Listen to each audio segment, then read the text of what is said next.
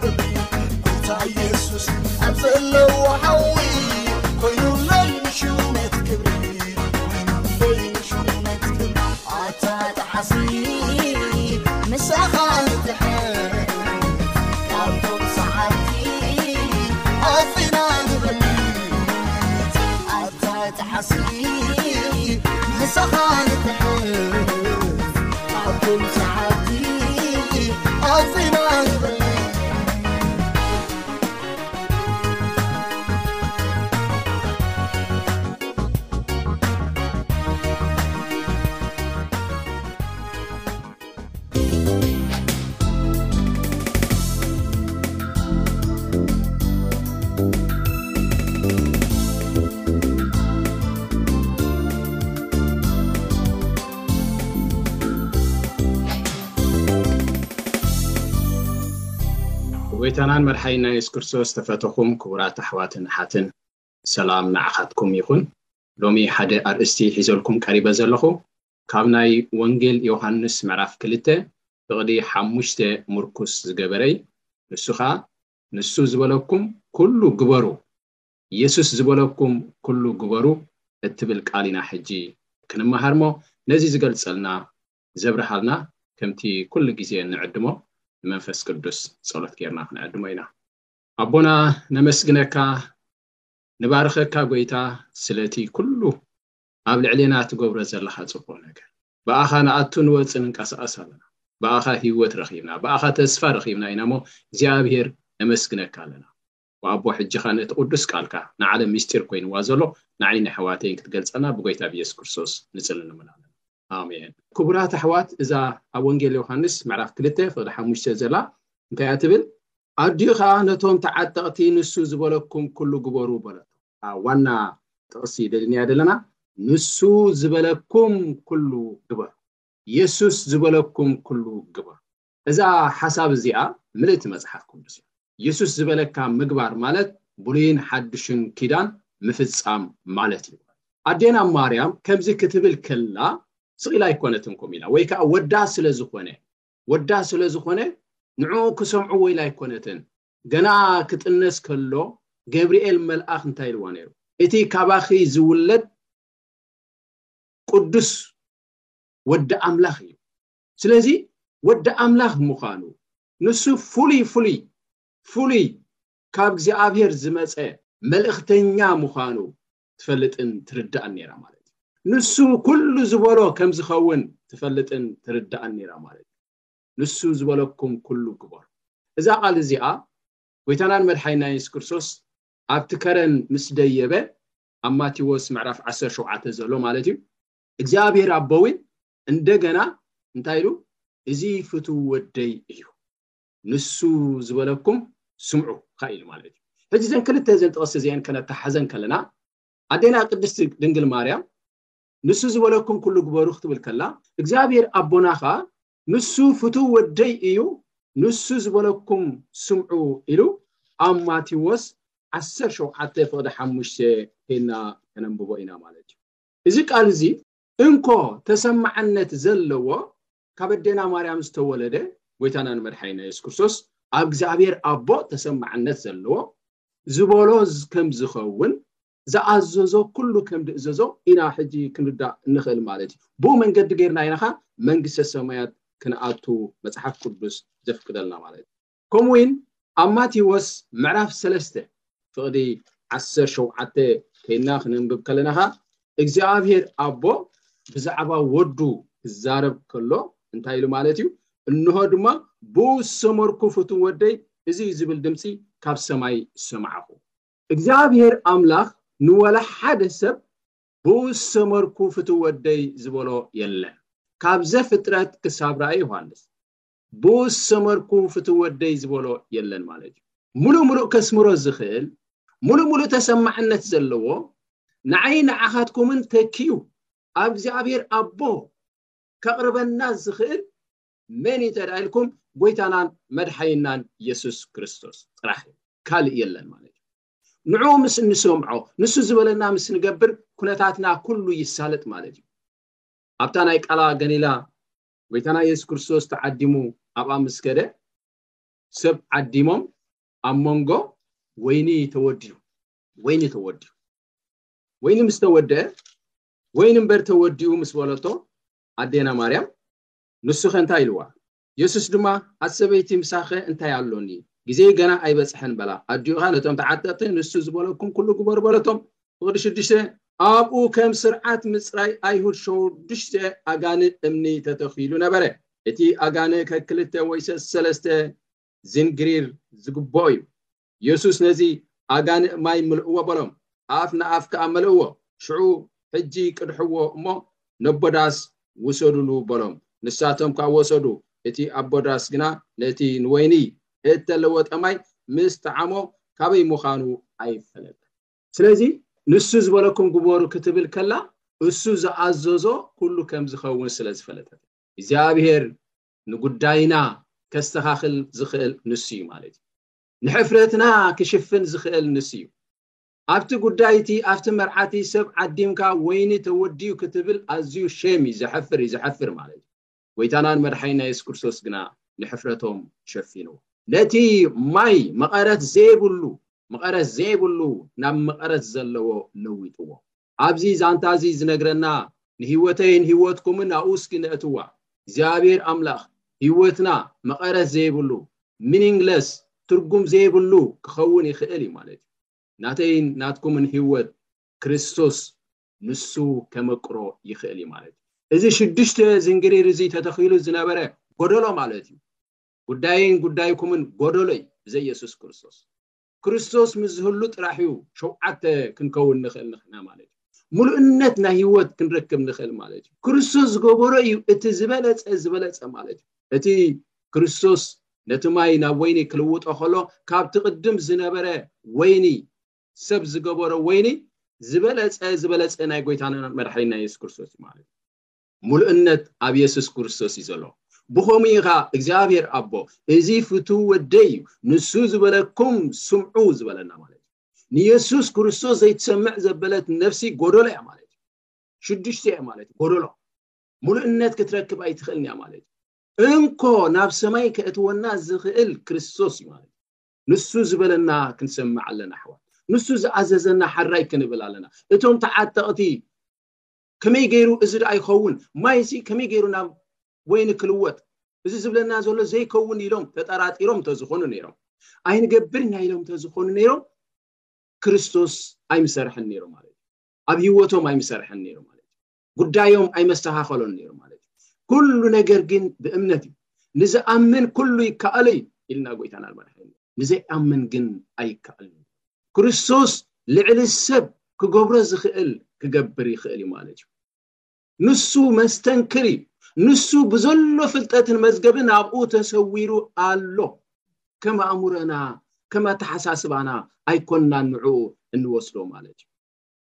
ኣነ ንስኹምን ንእግዚኣብሔር ኣምላኽ ብግብርና ከነስምሮ ኣይንኽእል ዋላ ሓደ የለን ካብ ዘፍጥረት ክሳብ ራእየ ዮሃንስ ንእግዚኣብሔር ኣምላኽና ምሉእ ምሉእ ከስምሮ ዝኽእል ዋላ ሓደ የለን ኣብ እብራውያን ዓሰርተ ሓደ ምስ ንኸይድ ሄኖክ ከማን ከይተረፈ ሪኢኹም ሄኖክ ከማን ከይተረፈ እዛ ዓለም እዚኣ ንዑ ዘይትበቅዕ ኮይና ናብ ሰማይ ዝዓረገ ንሱ ከማን ከይተረፈ ብግብሩ ንእግዚኣብሔር ኣቦ ከስምሮ ኣይ ሓደ ሰብ ጥራሕ ነይሩ ክገርመኩም ሓደ ሰብ ጥራሕ ነይሩ ንሱ ከዓ ካብ ኣዴና ማርያም ዝተወልደ ጎይታናን መድሓይና የሱስ ክርስቶስ ንሱ ንእግዚኣብሔር ኣቦ ብእምነትን ብግብርን ዘስመሮ ማለት እዩ ንሱ ጥራሕ እዩ ናተይ ናትኩምን ወኪሉ ኣብ እግዚኣብሔር ኣቦ ተሰማዕነት ክረክብ ዝኽእል ማለት እዩ ስሌና ምስ ዝልምን ማለት እዩ ኣነ ንስኹምን ቀጥታ ናብ እግዚኣብሔር ኣቦ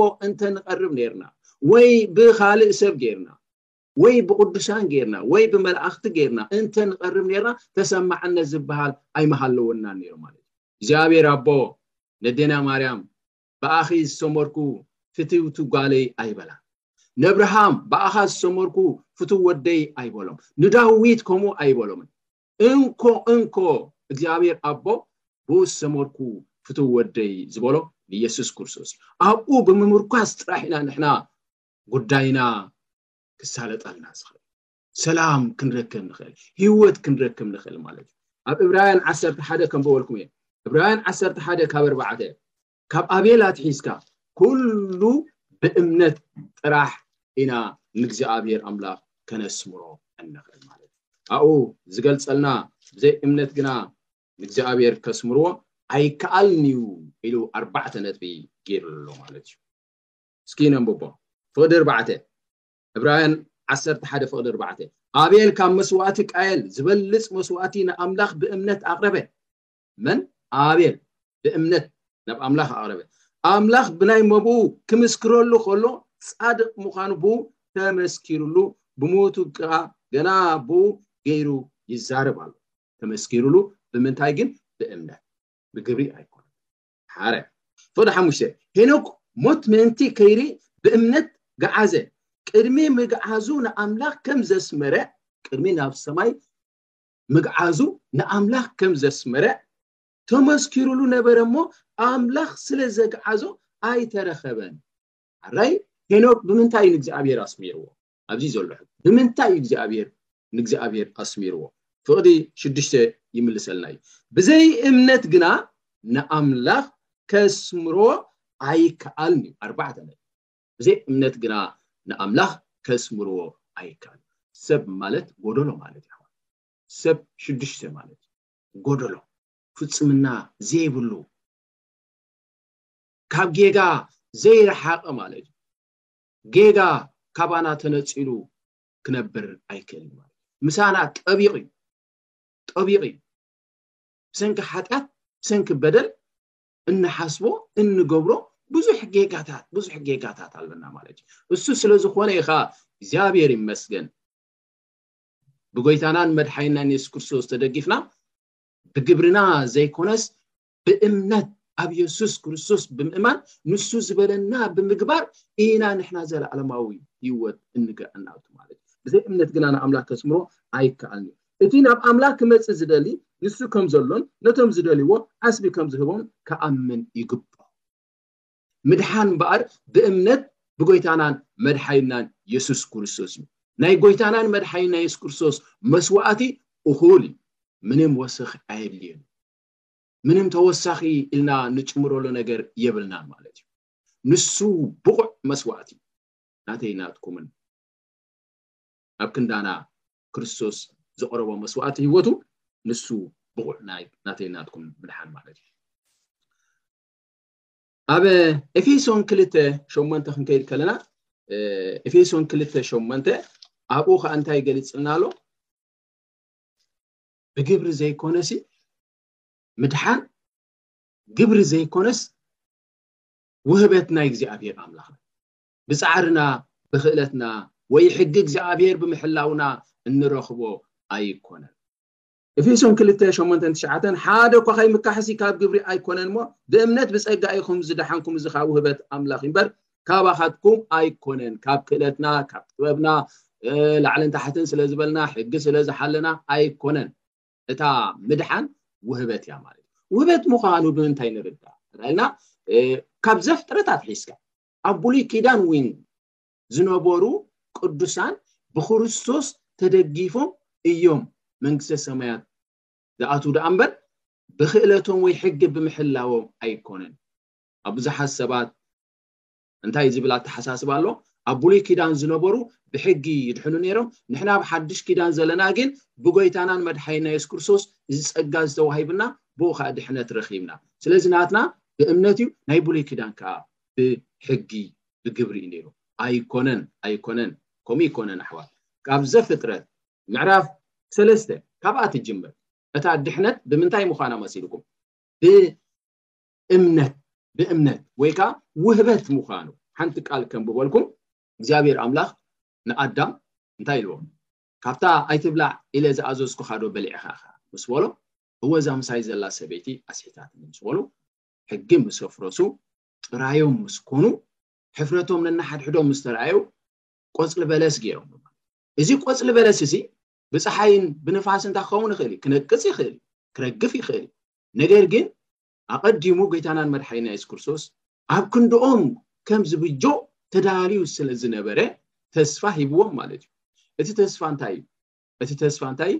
ክርስቶስ ኣብ ክንድኦም ከም ዝመውት፣ እቲ ዘስሓቶም ድያብሎስ ከኣ ርእሱ ከም ዝጭፍለቕ ኣተስፊዎ ማለት እዩ። ሕጂ ነቲ ሕፍረቶም ብምንታይ ሸፊንዎ እንተ ኢልና ቆርበት ኣምጽኡ ማለት እዩ። ቆርበት ኣምጽኡ ንሕፍረቶም ሸፊንዎ።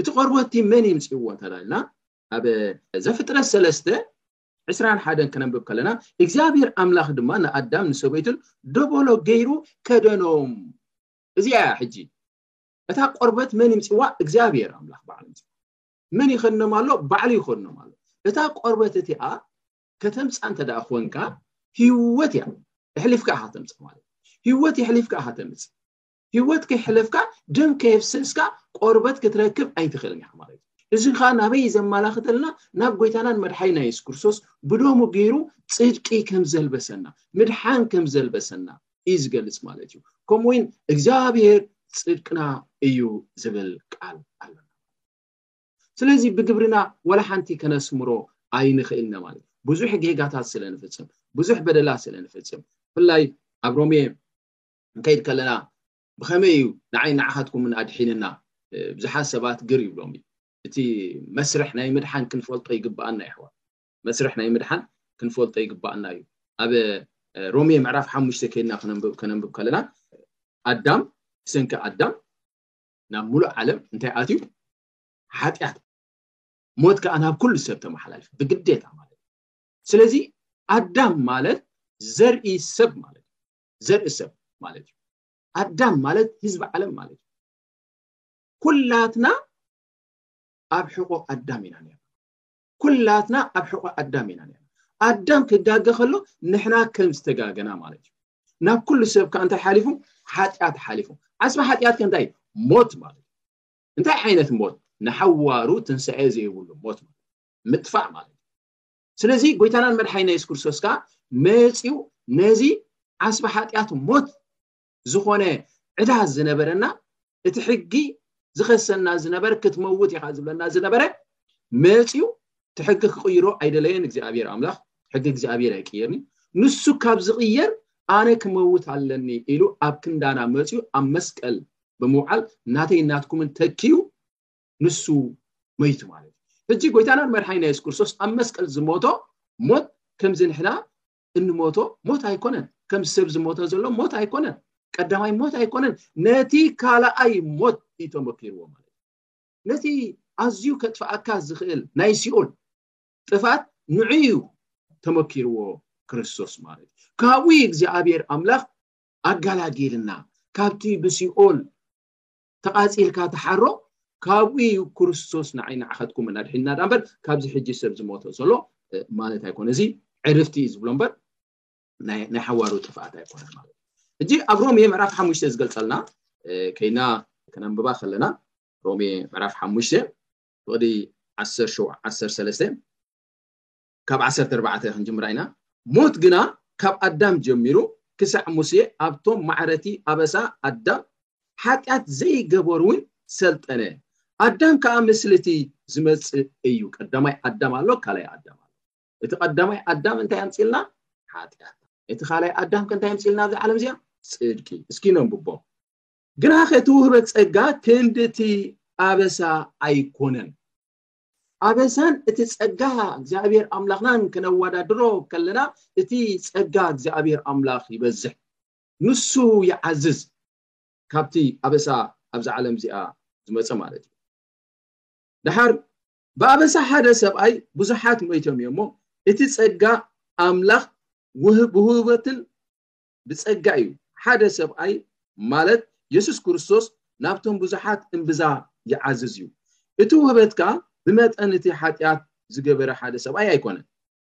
ፍርዲ ካብ ሓደ ንኹነኔ መጸ፣ እቲ ውህበት ጸጋ ግና ካብ ብዙሕ ኣበሳ ንምጽዳቕ። ክልቲኦም ሕጂ የዋዳድሮም ኣሎ ማለት እዩ። ኣዳም እንታይ ኣምጺኡ? ሞት፣ ሓጢኣት፣ ኣምጺኡ። እቲ ካልኣይ ኣዳም ከኣ። በቲ እሱ ዝገበሮ ጽድቂ ሕጂ ኣዳም ዝገበሮ ሓጢኣት ንሕና ሓጢና ማለት እዩ ሞት ከዓ ናባና ተመሓላሊፉ ክርስቶስ ዝገበሮ ፅድቂ ክርስቶስ ዝገበሮ ሰናይ ነገር ከዓ ውህበት እዩ ውህበት ውህበት ክብለና ከሎ እቲ ውህበት ኣይኮነን እቲ ናይ ኣዳም ውህበት ኣይኮነን እቲ ናይ ክርስቶስ ግና ውህበት እዩ ውህበት ማለት እንታይ ማለት እዩ ተቐባሊ ከዓ የድሊ ማለት እዩ ሕራይ ዝብል ከዓ የድሊ ማለት እዩ ከም ናይ ናይ ኣዳም ሓጢኣት ናብ ኩሉ ሰብ ብግዴታ ኣይኮነን ዝሓለፍ ክርስቶስ ኣብ መስቀል ሞይቱ ስለዚ እመን ኣይትእመን ኩልኻ ትጸድቕ ማለት ኣይኮነን ውህበት እዩ ተደጋጋሚ ኣብዚ መጽሓፍ ቅዱስና ውህበት ውህበት ይብሎ ኣሎ ውህበት ተደኣ ኮይኑ ተቐባልኻ የድሊ ብግዴታ ኣይኮንካን ጽድቂ ትዋሃብ ማለት እዩ ውህበት ማለት ውህበት ከዓ ሓደ ሰብ ሓደ ህያብ ክበኒ ከሎ ክነጽጎ ይኽእል ክቕበሎካ ይኽእል ማለት ኣሜን ኢለ እንተ ተቐቢለ ኣሚነ ኣለኹ ፅድቂ ይኾነኒ ኖ ኣየድልየንን እዚ እንተ ደኣ ኢለ ግን እታ ፅድቂ ኣይትመፀካን እያ ማለት እግዚኣብሔር ይባርኩም ስለ ዝነበረና ሰዓትን ግዜን ጸሎት ጌርና ክንዓፅ ኢና ኣቦ ነመስግነካ ንባርኸካ ኣለና ጎይታይ እቲ ዓለም ዘይፈለጠቶ እቲ ዓለም ዘይተረድኣቶ መምርሒታትካን ሕግታትካን ስለ ዘፍለጥካና ጎይታ ነመስግነካ ኣለና እግዚኣብሔር ኣቦ ትዕገሰና ኣለኻ ጸጋኻ ተብዝሓልና ኣለኻ ማእታን ክንምለስ ነቲ ኺዳን ካብ ተደጋጋሚ ነፍርሶ ኣለና እሞ ጎይታየ ከምቲ ዝበልካና ትዝኣተኻልና ኪዳን ክንሕልዎ ትእዛዛትካ ክንመላለስ ነዚ ሕጂ ዘውሎ ወለዶኻ ክንነግሮ እግዚኣብሔር ጸጋ ካብዝሓልና ሕረት ካብዝሓልና ምግላጽካ ይስፋሕ ኩሉ ሰብ ንዓኻ ይፍለጥ ሃይማኖትካ እምነት ናትካ ኣብ ሂወትና ክግለጽሞ ብግብሪ ክንገልጾ ጎይታ ደግፈና ንዓኻ ዘይፈለጡ ብዙሓት ኣለው ንስኻ ኣፋልጦም ነቶም ዝደልዩኻ ንስኻ ተርኸበሎም ብስም ጎይታናን መድሓይናን የሱስ ክርስቶስ ኣሜን።